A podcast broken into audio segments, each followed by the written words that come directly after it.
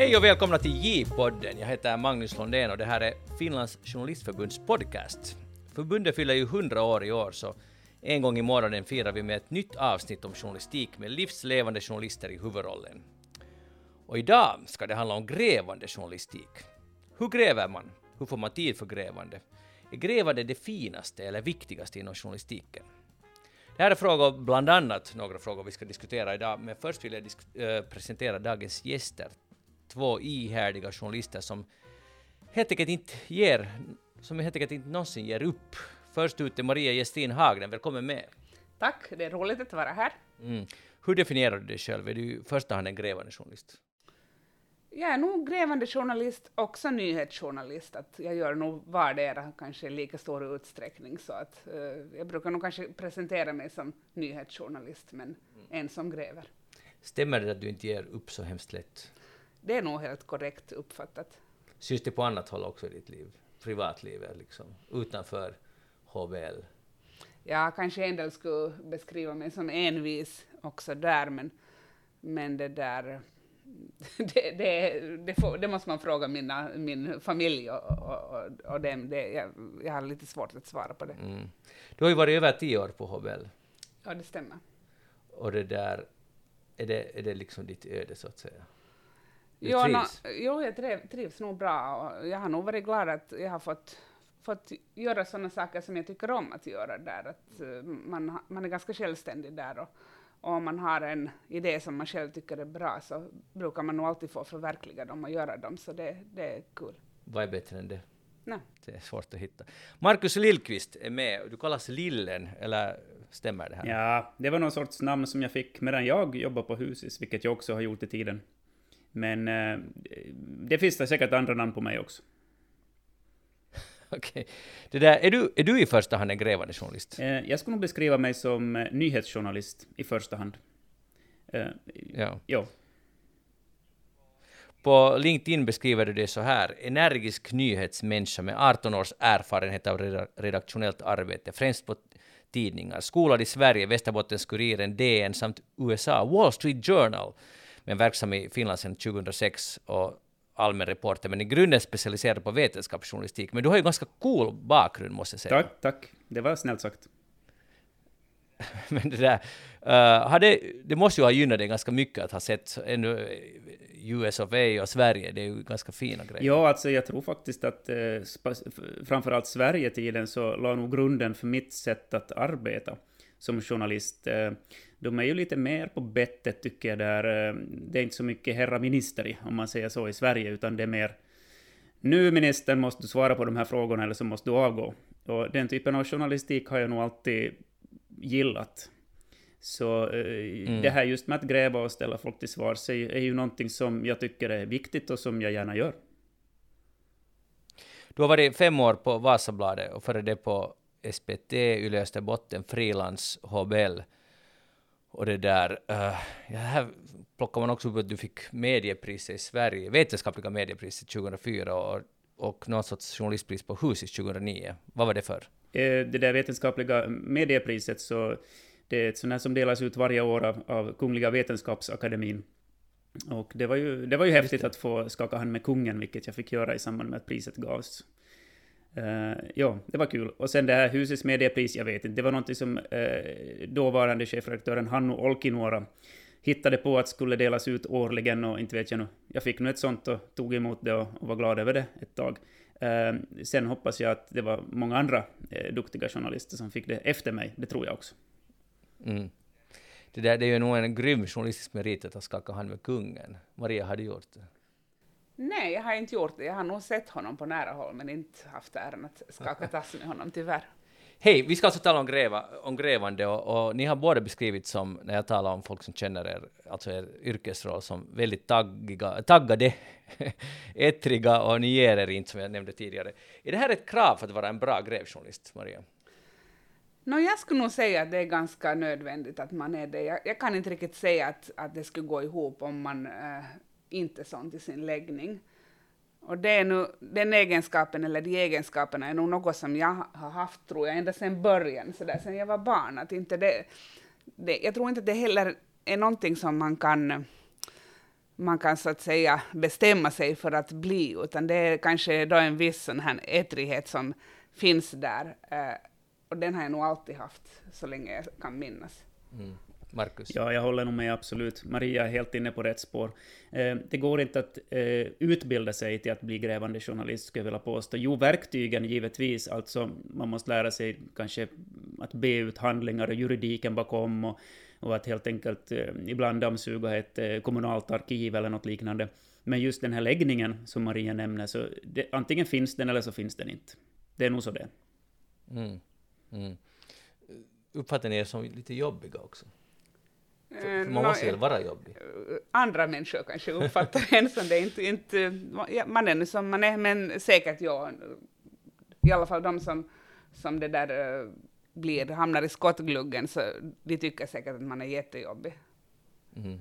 Så man måste, man måste ju ha ganska mycket skinn på näsan, kan jag tänka mig. Jag menar, för ni får ju säkert båda kritik och folk försöker ifrågasätta och, och, eller nedvärdera vad man gör, eller att du är ute på fel spår, eller varför gör du inte si, eller varför gör du inte så måste man ha det här, att det rinner bara av en sån här, sån här kritik?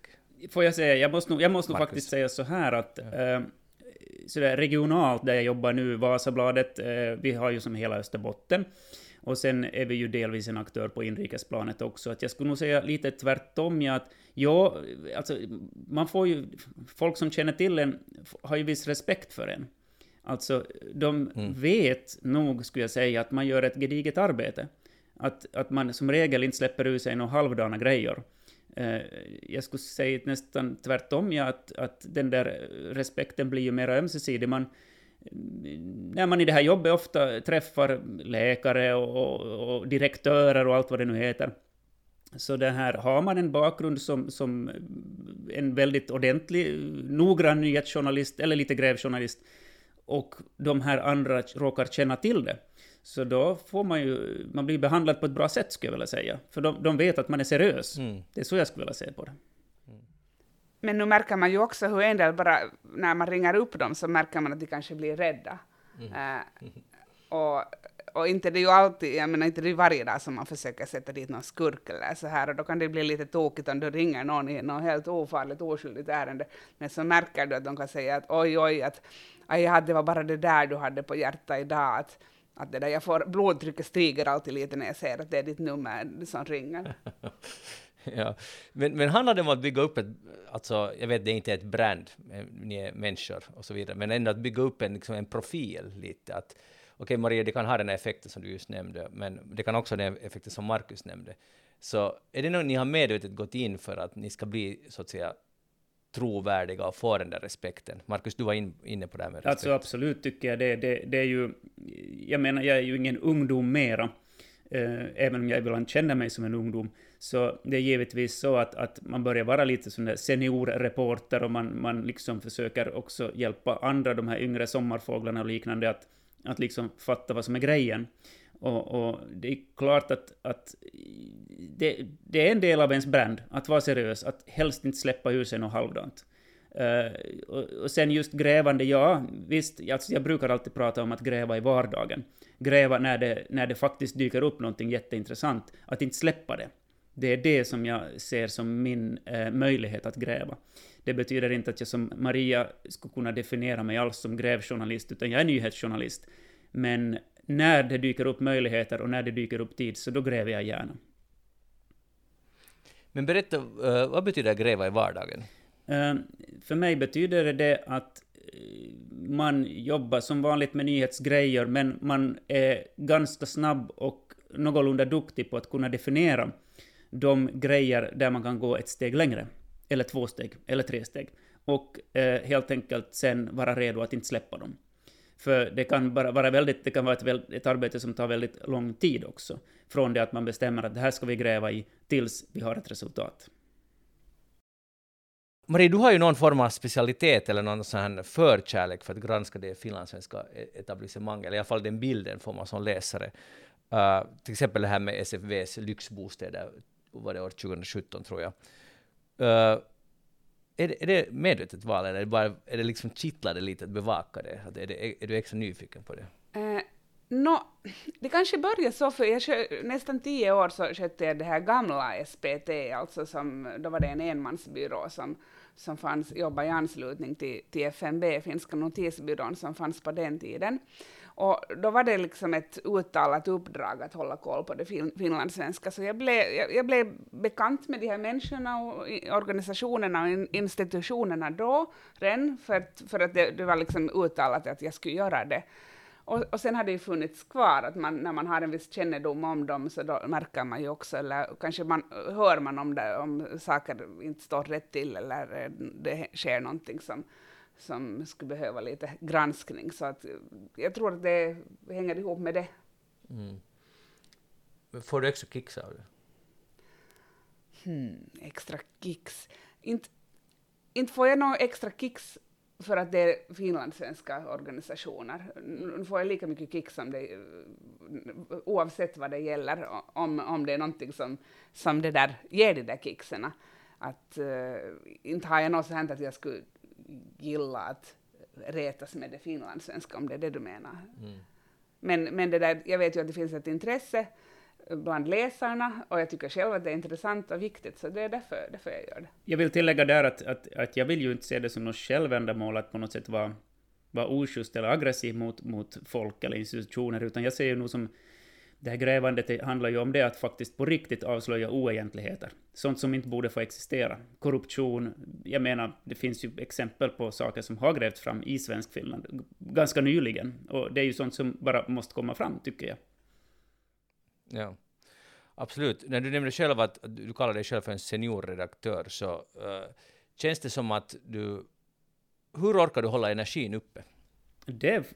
Alltså att vara, gräva i vardagen, som du just nu... Det är faktiskt en bra fråga.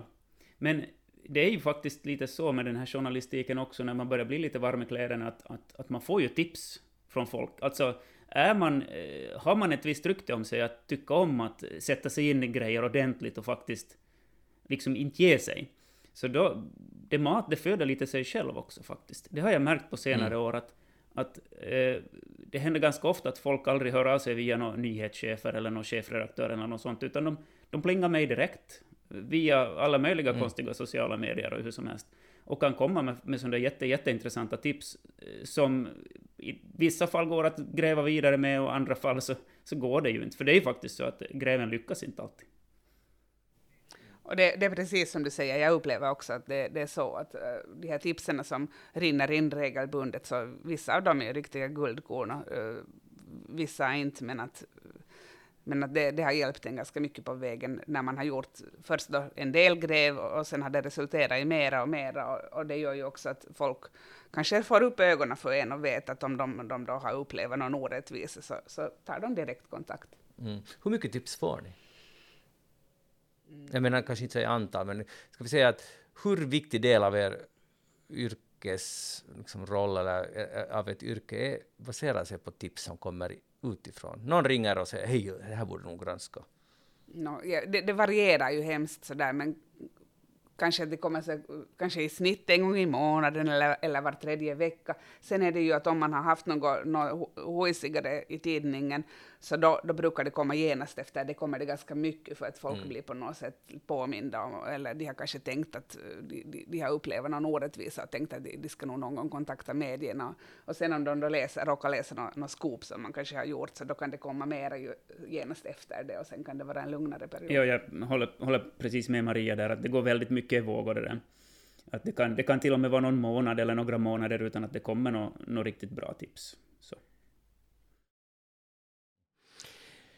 Jag tänkte, att vi skulle tala om specifika case. Uh, Markus, vi börjar med dig. Uh, det case som ofta förknippas med dig att du, du tyckte inte att det var riktigt schysst att var det Jakobstad som inte avslöjade vem som sökte jobbet som stadsdirektör. Skulle, vill du berätta lite mer om det här? Jo, det här börjar det här, bli ganska fallet. många år sedan nu. Det var i början av 2016 som, som det ju valdes ny stadsdirektör. Och ingen skugga ska falla över henne som valdes förstås. Hon eh, gjorde ett bra arbete. Eh, dilemmat var det att man inom staden använde sig av en rekryteringskonsult för det här mycket, mycket offentliga jobbet. Och eh, lyckades väldigt länge gömma sig bakom den här rekryteringskonsulten som headhuntade och gjorde intervjuer och sånt. Eh, Och sen var det bara några få av dessa som sen fick offentlighet i samband med att valet skulle göras. Dilemmat var det att eh, det hade alltså funnits en möjlighet att hela processen skulle ha mörkats fram till dess att fullmäktige fattade beslut. Och det är kanske inte mm. så det är tänkt att vi ska välja de högsta kommunala beslutsfattarna, eller tjänsteinnehavarna, i det här landet. I alla fall inte om man tittar på offentlighetslagens liksom anda. Och eh, det där retar mig lite, eller ganska mycket till och med. Så, så jag förde ju den här saken till domstol. Och det var ju en lång, lång process. Eh, den, räckte, den tog ungefär fyra år. Eh, sen fick jag ut namnet på de där personerna som rekryteringskonsulten hade, hade pratat med. Och, och också lite, lite, lite mer om deras bakgrund, så där, jobbbakgrund och, och sånt. Eh, men att i korthet var det så. Lång process som faktiskt lyckades den gången. Eh, fyra år är ganska förbannat lång tid för ett sånt projekt. Hur, när du sen fick, fick ut namnen, hur smällde du upp det på, på första sidan? Oj, uh, det var nog någonting med, det kallades för svarta hästar. Inga svarta hästar, uh, vänta nu. Jakobstad gjorde fel, inga svarta hästar var inte godkända eller något sånt. Jag minns faktiskt inte rubriken måste jag, måste jag säga. men, men någonting i den stilen. Men, men fanns det någon orsak till att försöka dölja det här, eller var det någon sorts princip också från så att säga andra sidan, att de hade lovat någon att nej, det blir inte offentligt de här namnen? Vad, vad, vad var det som var, vad klämde alltså, Jag vet ju inte vad som hade utlovats, men jag kan tänka mig ja. att någon kanske hade gått och lovat det. Och eh, då var ju den personen förstås inte så glad över det, att den personen kanske hade gått och lovat för mycket. Så att eh, ja. där fanns ju säkert en inbyggd eh, konfliktmekanism om man säger så. Eh, men nej, jag vet fortfarande inte vem... Alltså jag upplever inte att någon, är, någon har varit arg på mig. Till exempel minns jag att stadsjuristen i Jakobstad, eh, Ekstrand, som nu faktiskt är stadsdirektör, så hon eh, var inte alls arg på mig trots att vi liksom var kombatanter i den här processen. Eh, tvärtom så sa hon att, att hon är ju juristutbildad och har jobbat med det länge. Hon sa tvärtom att det skulle vara väldigt roligt att någon gång få komma i HFDs årsbok. Vilket hon ju gjorde. eh, och jag också för den delen. För eh, i och med att det här var ett prejudikat, ett beslut fattat av Högsta förvaltningsdomstolen, så kom det i årsboken. Eh, och det, det, det var en lite kul grej. Det var fint. Fick du, eh, var det någon av dina kollegor som sa att ska vi, ska vi fejda den här grejen, att vi låter det vara? Eller var du, var du liksom ensam soldat, eller var alla let's do Nej, men nu hade jag ju hela tiden chefernas stöd. Men du ska komma ihåg, det, det finns ju kostnader inblandade också. Det, det är ju inte, det, det är ju inte gratis att gå till Högsta förvaltningsdomstolen, det kostar 500 euro. ja, ska man... Ja. Okay, men... Ja. Ja, men uh, offentlighetsprincipen är säkert allas vår vän. Uh, Maria, funkar den? Ja, no, jag har inte själv i de uppdrag jag har gjort så har jag inte stött på sådana här problem, men nu har vi ju hört att det finns mycket, mycket fall där den kanske inte funkar och där myndigheter uh, försöker mörka eller hålla hårt i papper. Men, men själv har jag inte haft sådana problem. Mm. Markus, blev ble du Tappar du tron på offentlighetsprincipen i, i, i sådant här case eller något annat case? Nej, alltså det här visar ju att offentlighetsprincipen fungerar. Alltså, här var ju... Efter fyra år? Ja, det, det är tragiskt att det ska ta så lång tid, men, men det här, det är ju ett problem med våra domstolar. Nej, inte, inte, inte ska man tappa tron, för man, man, ska ju istället kämpa för den. Det är, ju, det, är ju, det är ju det som är en del av vår uppgift. Det är vi som ska se till att det här funkar. Mm.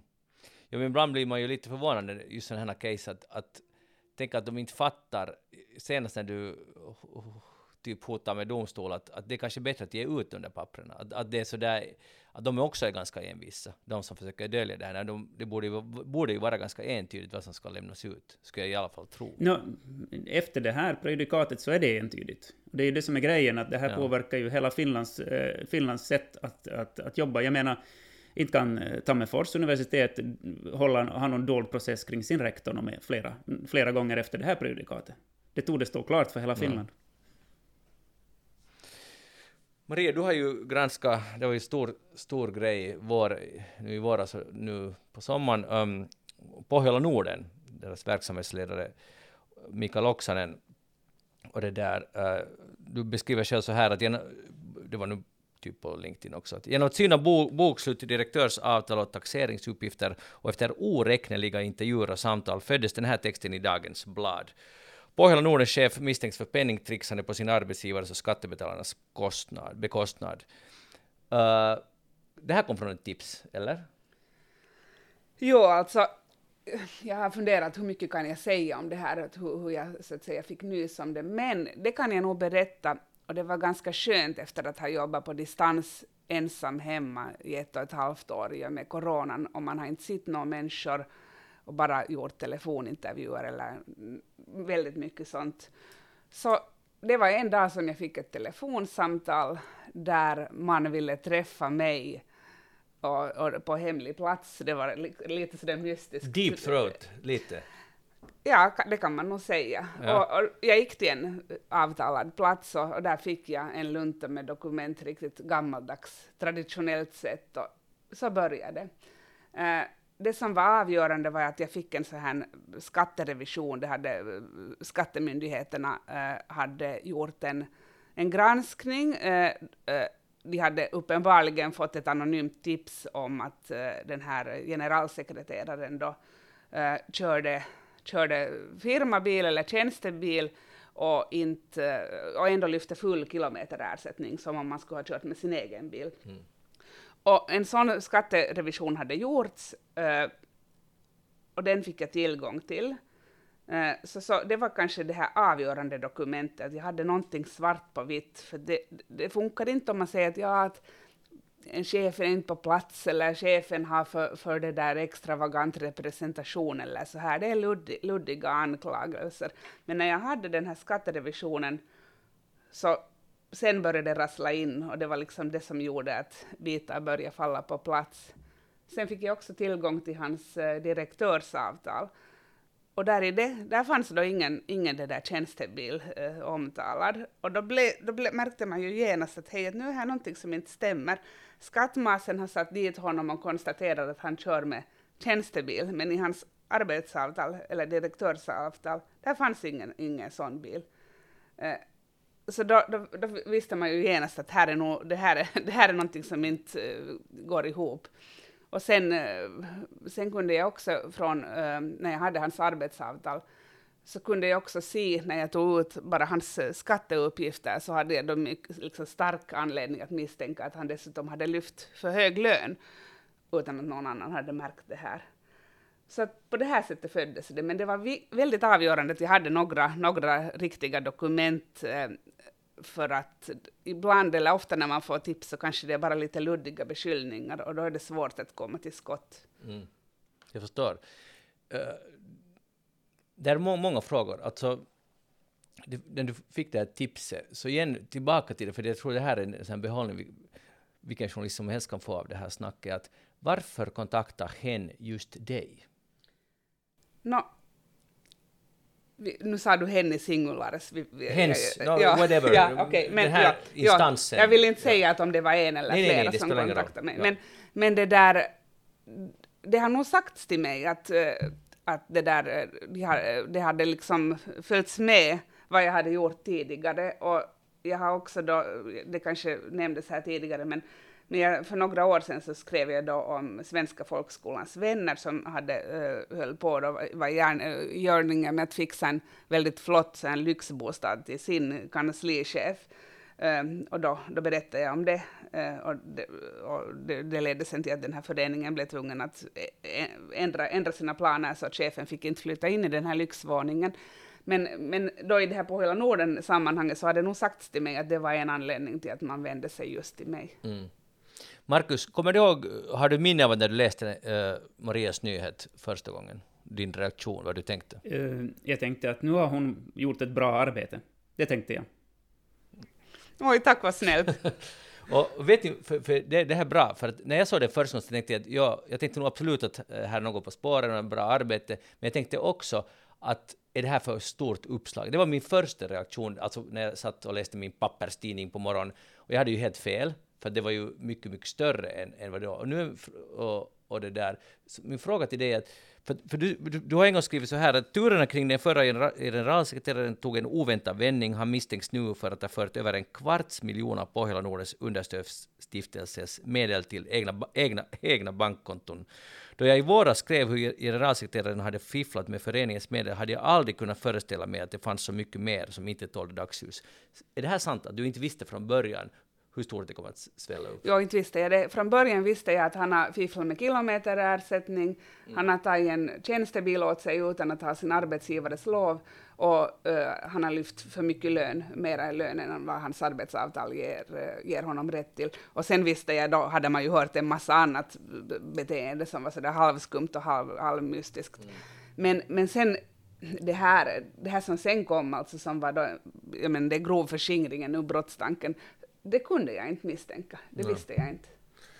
Fick, var det någon annan än, än, var det någon som tyckte, Ole Nor Norrback skrev ju en, en insändare som var ganska dåligt tajmad, som kom om att, att nu borde man nog släppa det här, vilket var ju helt fel i det skedet.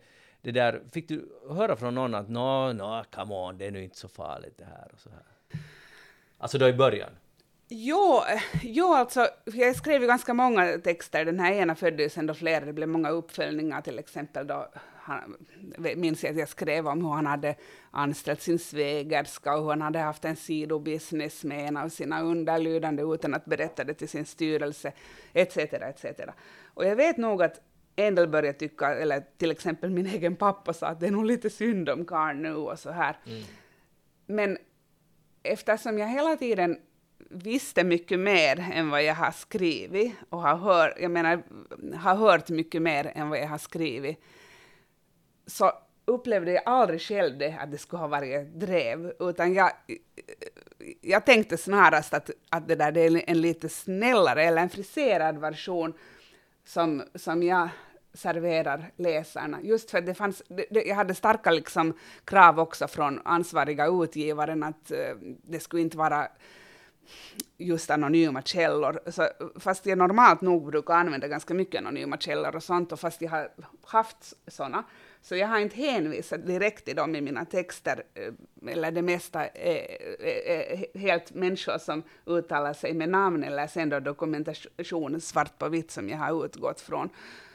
Och det hängde ihop med det att att man, mina chefer då, när den här processen var igång, att jag då hade en hälsning att nej, rensa bort det här nu och ta mm. bara det här som är helt eh, entydigt. Och det var ju väldigt effektivt, alltså den metoden. Jag tycker för det... Och det visar ju också, och det var ju nog, det är en ganska långkörare.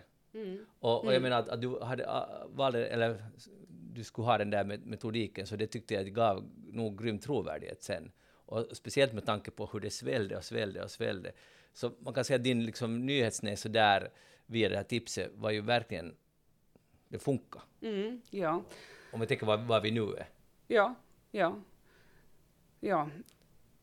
Vi är ju också människor och ni antar jag också människor, det här, uh, eh, har ni känsla för dem ni bevakar? Kan ni, kan ni få en sån här blöt stund? Uh. Eh? Jag kan berätta, alltså kvällen eller natten innan det här, det här första skopet då publicerades, det här med det här kilometerfifflandet och det, så jag, jag visste nog att det är en bomb som kommer att uh, då explodera följande morgon. Och jag låg nog ganska många timmar och vred mig den natten i sängen och, och var sådär, hade märkt att jag hade hjärtklappning och svårt att somna. Jag tänkte på, jag tänkte på den här människan då och jag hade samvetskval att nu förstör jag antagligen hans liv. Mm. Uh, och, jag, och jag tänkte på hans familj och på hans fru. Och ja, så att, så att ja, svar ja. Mm. Men vad kom du fram till? No, sen talade jag, sen följande dag när den här var publicerad, så talade jag med min syster som har polisbakgrund och sa att oj, att jag har haft lite åga kring det här. Uh, och så sa hon bara, nej men det är nog ingenting, att inte, du tänker helt fel, att inte ska du tänka så. Och det var bra, för då tänkte jag att poliser och sådana, de gör ju det här, de sätter ju dit skurkarna varje dag. Och inte kan de ju uh, få samvetskval för att de förstör skurkarnas liv. Okej. Okay. Marcus, har du uh, samvetskval eller blir, blir du blöthjärtad om du går extra hårt och bevakar någon eller lyckas du hålla de här känslorna isär? Bra fråga. faktiskt en bra fråga. Jag har inte varit inblandad riktigt i den typen av gräv som Maria pratar om nu.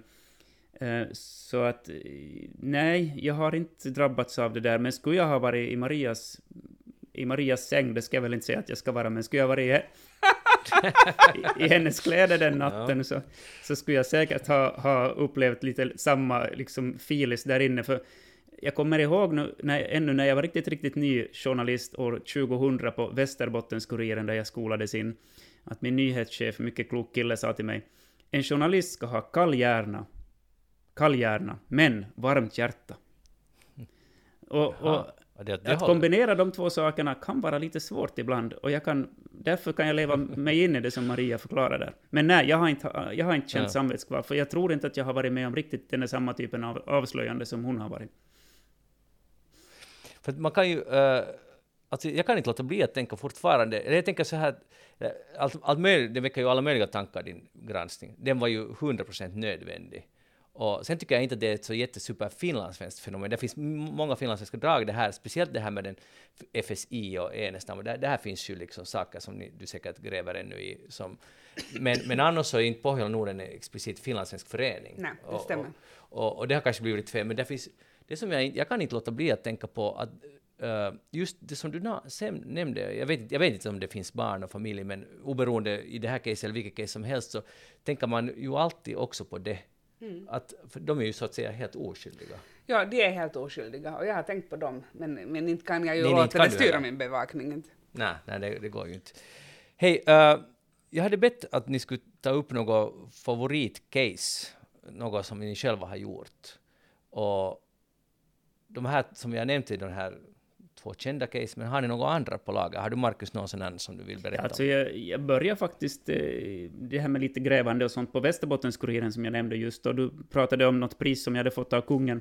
Det hängde ihop med ett eh, företag som grundades i Umeå, det här vi snackar början av 2000-talet nu, typ 2003-2004.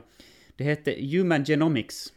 Och de, eh, det var ett företag okay. som kom på att de skulle eh, tjäna en massa pengar på information i folks DNA. Och det här låter ju ganska spännande va? Mm. Eh, saken är den att mm. där på Umeå universitet hade man samlat in blodprover från människor sedan 70-talet och framåt. Så det fanns en ganska stor biobank där med långt över 100 000 prover. Och då tänkte det här företaget eh, kommersialisera de där proverna genom att eh, ta ut kunskap ur dem, alltså allmän kunskap om eh, eh, sjukdomar och medicinering och sånt, och sen sälja den här kunskapen till läkemedelsindustrin. Och det där var ju egentligen en jätte, jättebra idé, kan man ju säga, för att jag menar, det, det var ju ett material som redan fanns, bara att börja med modern teknologi, analysera de där proverna. Eh, och det här var ju kopplat till människors livsstilsinformation om om vikt och, och, och, deras sjukdomar och sånt. Problemet var bara det att det var ju forskarna som hade samlat in de här blodproverna. Det var de som hade gett, det var de som hade gett vissa löften åt de här människorna. Och den där rätten till de där blodproverna kunde inte liksom överföras till det där företaget sådär bara. Så det var en jättestrid där i Umeå. Och det där mm. bevakade jag jätte, jätteintensivt under en period. Och kan ni gissa vad resultatet blev?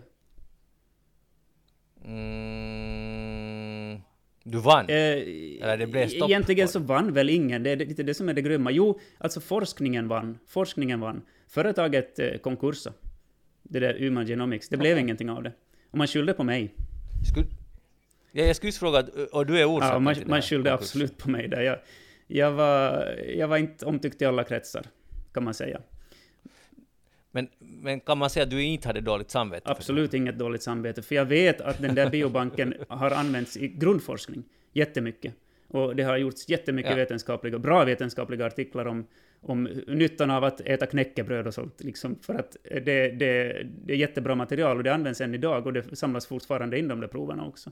Vet tusan hur det ska mm. ha gått med de där proverna om folk som har gett blod skulle börja protestera? Antagligen, det finns en risk att mm. hela biobanken skulle ha fallit ihop. Så det där var en ganska kul grej. Det var ett exempel.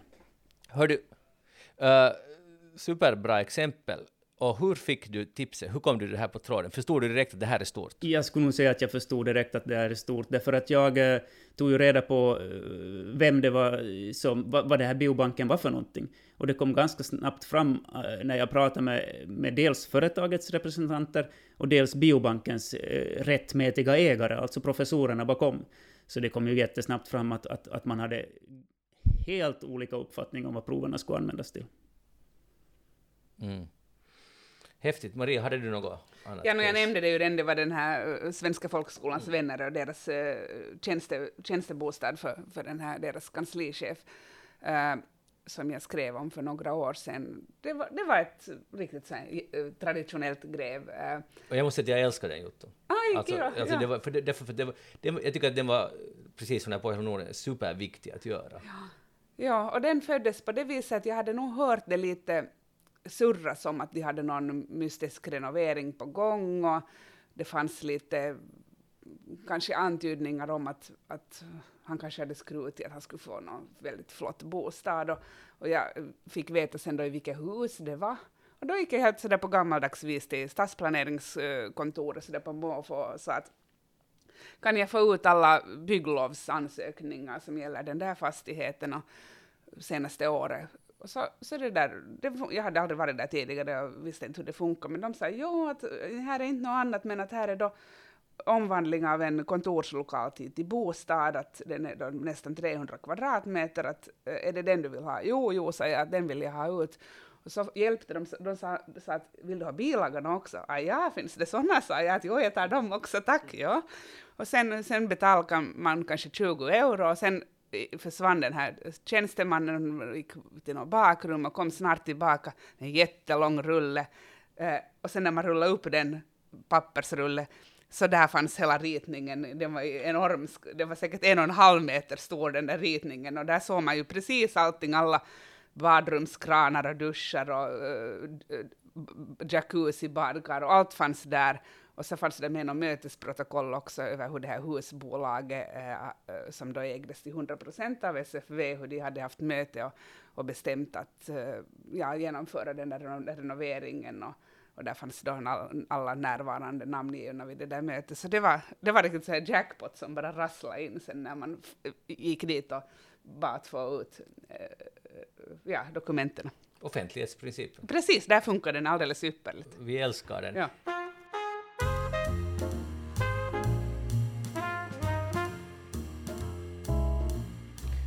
Nu hur är det med genomslagskraften? Ni, ni har ju både ett goda exempel på saker som nog haft betydelse och det där. Uh, men ni jobbar båda på finländska tidningar och du har, uh, Maria, någon gång sagt att uh, när du, fick, du blev nominerad för den här Snöspaden, mm. just för det här ja. SFV-jobbet, så skrev, sa du så här att dels är det en, att du uppskattar den här nomineringen, men dels är det en erkänsla för mitt jobb, dels lyfter den fram HBL. Det handlar också om en nyhet som fick stor uppmärksamhet på svenska, men som inte, inte nådde över den finska nyhetströskeln. Jag ska fråga er båda, är det här en frustration som ni har när ni jobbar på svenska inom den finländska journalistiken, man inte riktigt når ut? Eller är det inte så här? Ja, alltså det är nog, jag tycker det är en stor frustration. Eh, och jag brukar nog eh, ibland om jag vet att jag har liksom bättre grejer på kommande som jag tycker att skulle uh, förtjäna att komma till allmän kännedom, så brukar jag nog skicka mejl till uh, Iltalehti, Hesari, Yle, STT, mm. tipsa dem att hej, och ganska ofta nappar de sen på det. Men i det här fallet så gjorde de inte det, i det här SFV-fallet. Det blev några rewrites men det här på hela Norden, så där, det har ju nog det liksom ju, slagit igenom på finskt håll också. Kanske inte riktigt så mycket som jag tänkte att det skulle ha gjort då innan kommunalvalet i våras. Jag hade nog föreställt mig att eftersom Helsingfors äh, borgmästarkandidat Johanna Vartiainen också var, blev indragen in i den här härvan, så jag hade nog tänkt att äh, finska tidningar skulle börja göra egna grejer mera.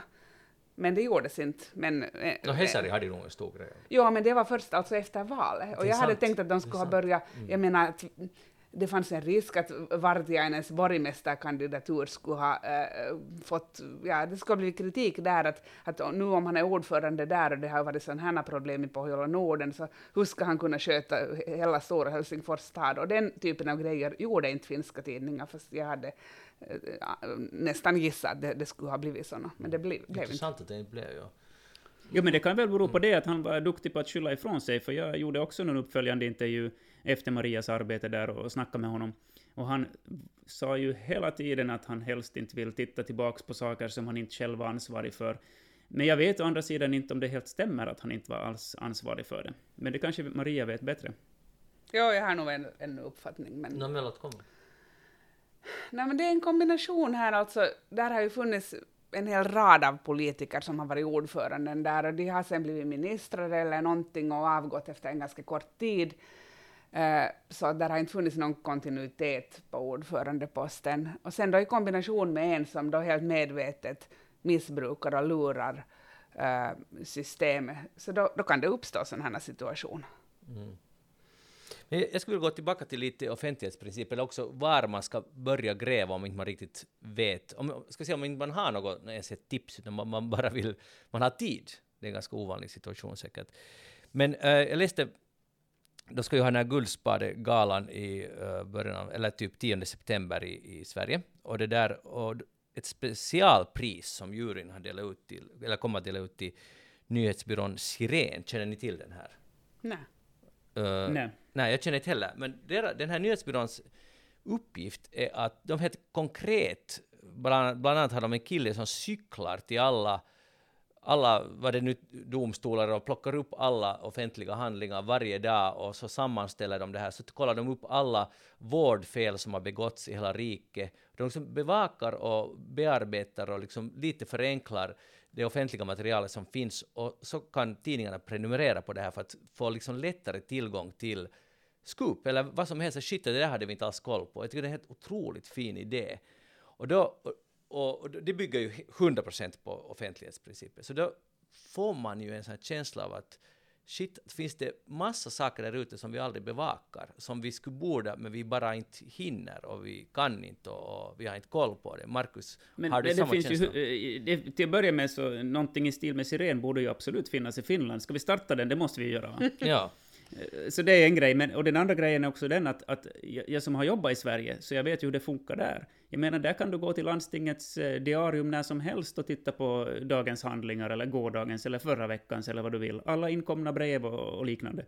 Jag menar, går du sen till vad det nu kan vara, Vasa sjukvårdsdistrikt eller, eller eh, you name it, vilken kommun som helst. Det kan hända att de inte ens vet, fatta vad jag frågar efter. Alltså att de, de har inget system för mig att kunna gå in och titta på deras handlingar. Alltså det kan vara jätteknasigt och svårt. Alltså de, ungefär, man ska typ ungefär veta exakt vilket brev man frågar efter för att få se det. Om man ens får se det. Alltså våra myndigheter i det här landet är ju inte vana med, med, med journalister som ställer krav och vill titta på allmänna handlingar. Det är ju ett av de jätte, jättestora problemen, tycker jag åtminstone. Intressant. Maria, stämmer det? Är vi alldeles för snälla? Ja, eller sen är vi för lata eller har för då ont om tid. Att eh, det där just att uh, ringa runt och gå och samla in, det tar ju jättemycket tid. Och helt av den anledningen så skulle jag nog säga att de flesta sådana så skopor som jag har gjort, så de har nog ändå uh, haft ett tips i bakgrunden, ett mm. guldkorn. Och då har man sen fattat vad man ska gå och titta på lite närmare och be ut, eller vilken tjänsteman man ska ställa mot väggen. Men, så, så ingen av, av er, och jag har verkligen inte heller, att man har gått sådär randomly till en um, offentlig institution och begärt ut allt och börjat titta, att nu hittar jag någonting här. Det har, för det jo, finns det, tid. Det är klart att vi har gjort det. Jag menar, ja. Under den tid när jag bevakade, bevakade någon här, enskild kommun här, så nog fanns det då åtminstone eh, någon sorts försök till att, att ha handlingarna samlade. Eh, men det var nog bara den kommunen. Jag, jag, tror inte att alla, alla har det här. Jag menar, jag försökte någon gång göra det här vid HNS, alltså Helsingfors och Nylands sjukvårdsdistrikt, som väl heter HUS nu för tiden. Men de fattade inte vad jag frågade efter. Det var mm. under den tiden jag jobbade på Husis alltså. Mm. Maria sa just att vi, eh, du spekulerar att vi är för lata. Kan, det är ju hemskt om det stämmer. Eller har en tid. Ja, ja men är, är det här sant? No, kanske jag tar tillbaka det där med lättjan, för inte vi är lata, nu jobbar vi ju. Nu får man vara kritisk också mot journalister. Men, men det där... Jag upplever nu i alla fall att jag har inte den tiden att äh, göra det, men mm. man borde säkert göra det mer. Markus, är vi, vi är inte lata, men vad är det då? Tidsbrist, vad är det? Nu är det väl där kanske att vi, vi är för snälla när nyhetschefen säger vad vi ska göra just den dagen. Då borde vi istället säga nej men idag vill jag gräva. Eller idag tycker jag det är värt att gräva. Eh, jag tror ju att bara man skulle kunna prestera tillräckligt bra, oväntade, eh, bra, stora grejer så skulle man få fortsätta. Och det är kanske det att no några av oss borde bli bättre på att stå på oss mot nyhetschefens hets. Hets om att det här måste göras nu. Mm. Men sen är det ju det att om du plöjer igenom just mycket listor och sånt, så det ganska ofta som det inte ger någonting. Och då är det ju alltid en balansgång med det där att hur mycket är det värt att sätta på det där, eh, att scrolla igenom den här informationen eh, och så kammar du kanske noll om man en gång på hundra eh, kommer över ett guldkorn. Och då är jo, det, ju det lätt, ständigt... den, då är ju den lättare vägen det att om man får lite tips där att hej, det där skulle kanske löna sig att titta på. Mm. Men det betyder ju obönhörligen att det finns en massa saker där ute som vi ingen av oss och ingen känner till, eller någon känner till, men inte de som borde känna till det. Uh, det betyder ju, det här betyder ju det i praktiken, att vi missar det. Ja, så är det. Har ni en känsla av att det finns, delar ni den här åsikten, att det finns massa där ute som borde granskas? Som liksom, Absolut. Jo, jo, inte Absolut. det är ju bara det att, att det man har sen då gjort, de några bra grejerna, det ska vara det enda. Självklart är det inte på det viset. Men blir man inte lite matt när man tänker på det? Det är ganska svårt, tycker jag som journalist, att leva med den inställningen. Det finns allt möjligt där och jag kommer inte någonsin kunna göra något åt det. Eh, voi, voi, inte kan man göra något åt det. Markus? Nej, det som jag kan börja tänka är att det kan vara lite frustrerande i och med att folk har kontaktat mig i olika känsliga frågor och ibland har det inte kunnat bli någon jotto för de har varit för rädda att ställa upp ens anonymt. Och då börjar jag lite undra om det är något fel på vår lagstiftning för att det borde ju vara så om eh, en person eh, i en arbetssituation eller något liknande eh, uppfinner att, upptäcker att, eh, eller upplever att sakerna är riktigt åt skogen, Ehm, det är ju något fel om vi har en sån situation att, det, att de inte egentligen vågar prata med någon om det här. Alltså av rädsla för repressalier av arbetsgivaren till exempel.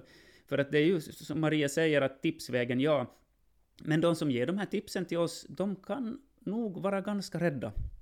De kan nog vara ganska rädda och även om vi eh, utlovar någon sorts anonymitet så vet vi aldrig med säkerhet att hur reagerar den här arbetsgivaren till exempel blir det att de, de anställda får ställa sig på led och utfrågas. Och så vidare. Eh, det finns en liten risk för det. Och det är ju inte heller bra, men jag ledde in oss på ett annat spår nu. Ja, det är absolut ingenting, men uh, det ska bli lättare med visselblåsning, liksom att uh, varje organisation ska ha en, en, kanal för visselblåsning. Och det här skulle ju kunna gynna också journalistiken, att, att det skapas en kultur där om man ser en orättvisa eller man ser någonting uppenbart fel på sin arbetsplats, det må sen vara en offentlig offentlig arbetsplats eller ett företag så ska man kunna... Och det här handlar ju inte om att tipsa uh, journalist, journalist, journalister, utan jag antar att det handlar om att tipsa lagens långa arm. Men det skulle kunna skapa en kultur där det är mera okej okay att när man ser oförrätt eller man rapporterar dem. Så det är ju inte omöjligt i alla fall. Men när vi talar om källskyddet så, så Markus, du var inne på det att, att det är ett problem. Folk litar inte på att det hålls uh, hemligt vem som har tipsat. Att de, de, de känner sig osäkra. Maria, har du upplevt samma? Jo, men då måste man bara om det är liksom fråga, man måste bara lova. ge sitt, och inte kan jag göra något annat, men jag, men, men jag lovar att jag kommer aldrig att berätta vem du är, annat än till min chefredaktör. Då när du träffade dem här på obestämd eller, plats. plats, så var det så där alltså, var det sådär att du måste där också lova så, du, du vet vem de här människorna är? Jo, klart jag vet. Jo, jo, klart jag vet jag vet, det var inte sådär att ni var utklädda och... nej, nej, nej.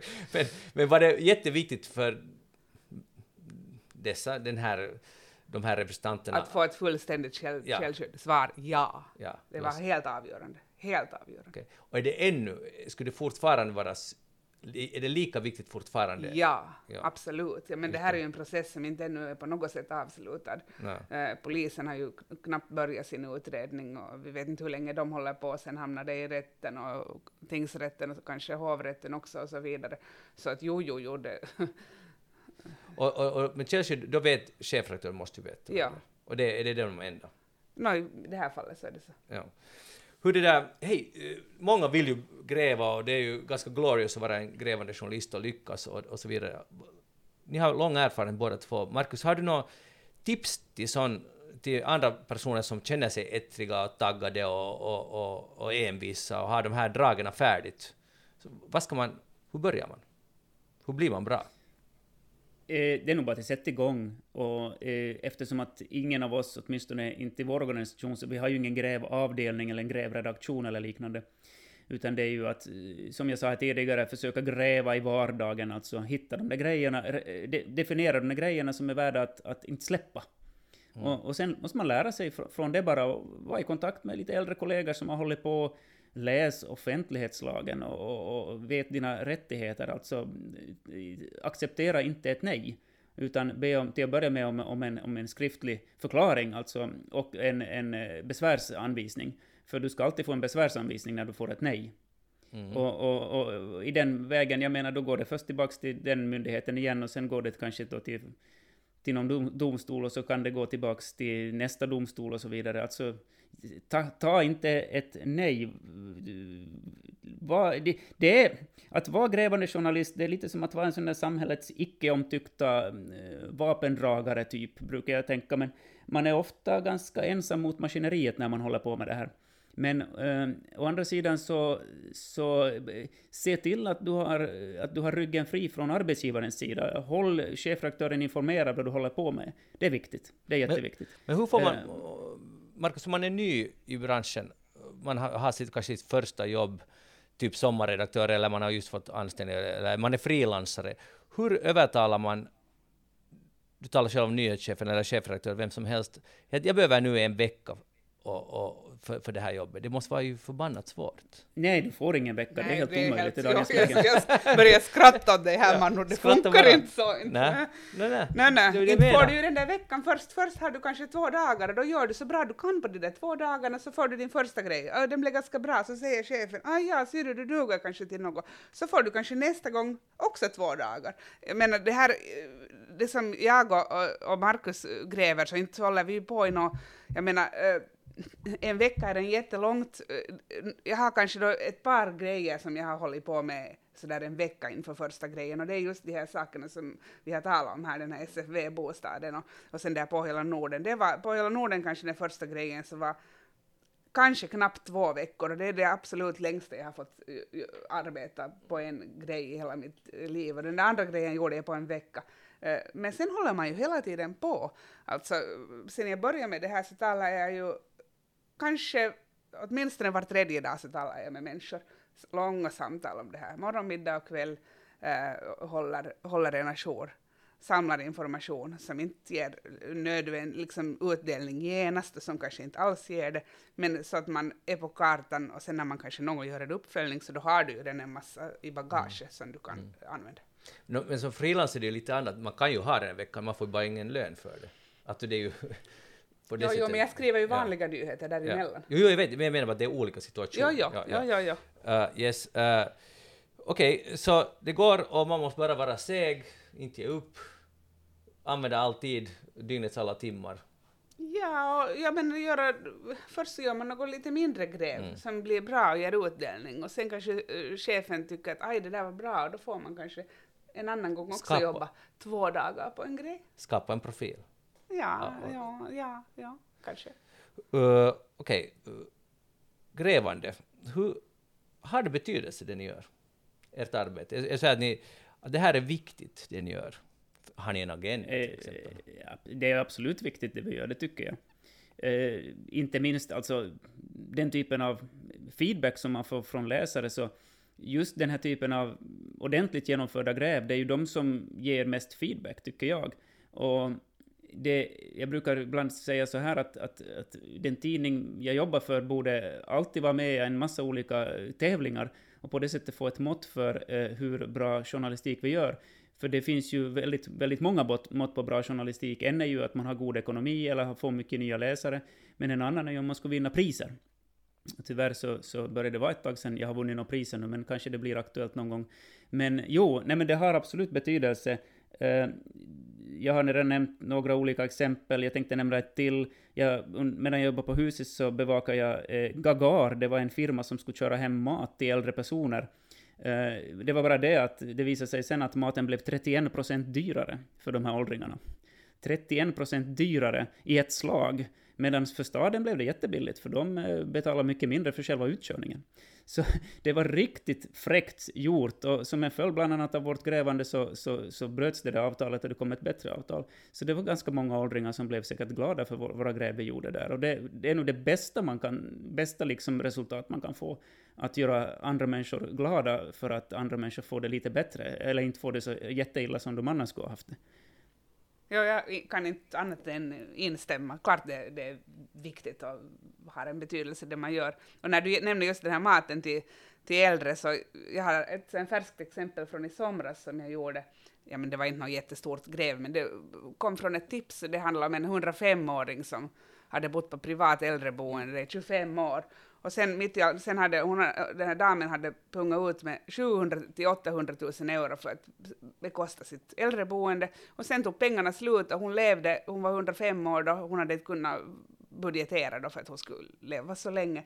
Och då, då det där, så meddelade socialen att hon ska nu flytta ensam till en etta och få hemvård, eh, medan de anhöriga ville att hon skulle få bo kvar där. Och, och sen eh, då, då eh, skulle, höll jag på och gjorde en grej om det här och sen kontaktade jag då de här högre cheferna i Helsingfors stad för att då, fråga om det här oerhörda att de skulle slänga den här nästan 106-åringen på, på bar backe. Och då, jag har aldrig varit med om någonting sånt, men då ändrade sig de här, eh, de här socialverkets höga chefer, så de sa genast okej, okay, nej så här ska det inte vara, att där är nu någon lägre i rang som har borde ha liksom förstått att uh, det här var ett specialfall. Och, och, och sen sa de på stående fot att okej, okay, hon får bo kvar, de betalar, skattebetalarna betalar. Så nu har det ju betydelse, det var jätteroligt. Sen, eh, jag tänkte först bli den här grejen nu lite sabbad av att innan jag ens hann skriva om den här skandalen så hade staden ändrat sig. Men, men det var nog ganska fint ändå att få gå dit i det där och träffa den här damen och då var jag den första som kunde berätta att, att du får bo kvar här på det här äldreboendet. Mm. Så det har betydelse. Men tappar ni aldrig tron på, på, det, på att det har betydelse?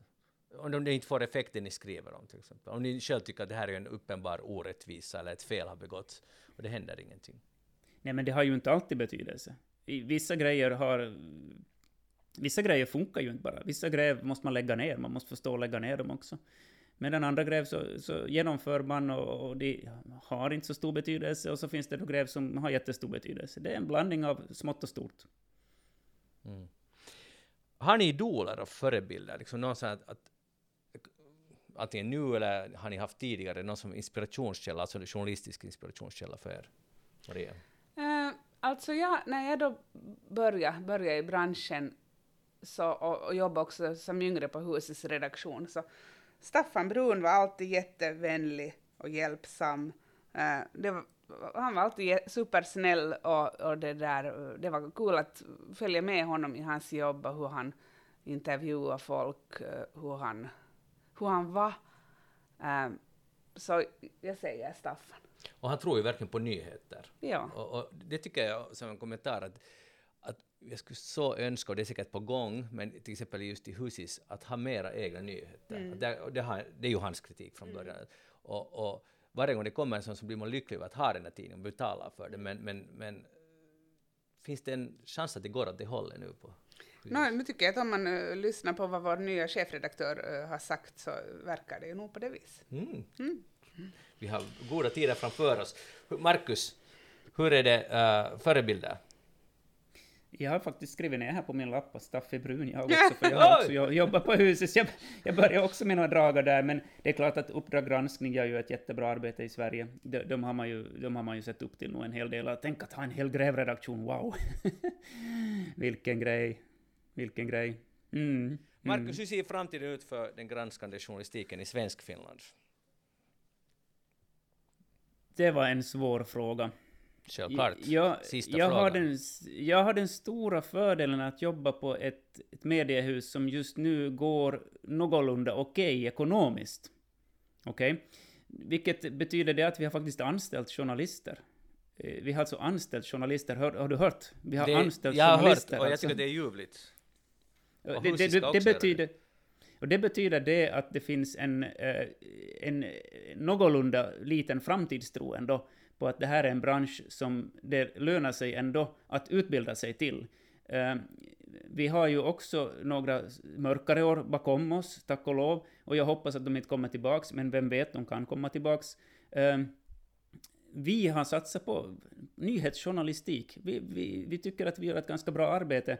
Och eh, i den där nyhetsjournalistikstämpeln så, så, så, ingår det absolut möjligheten att gräva. Eh, det är någonting som min arbetsgivare gärna skulle se mer av. Så, så är det absolut här uppe i Österbotten. Eh, så att jag tror på eh, nyhetsjournalistikens framtid och på grävjournalistikens framtid. Det, det, det gillas, det som jag och mina kollegor gör, när vi, när vi får den här möjligheten att gå längre in, djupare in i grejer. Det är verkligen någonting, det efterfrågas.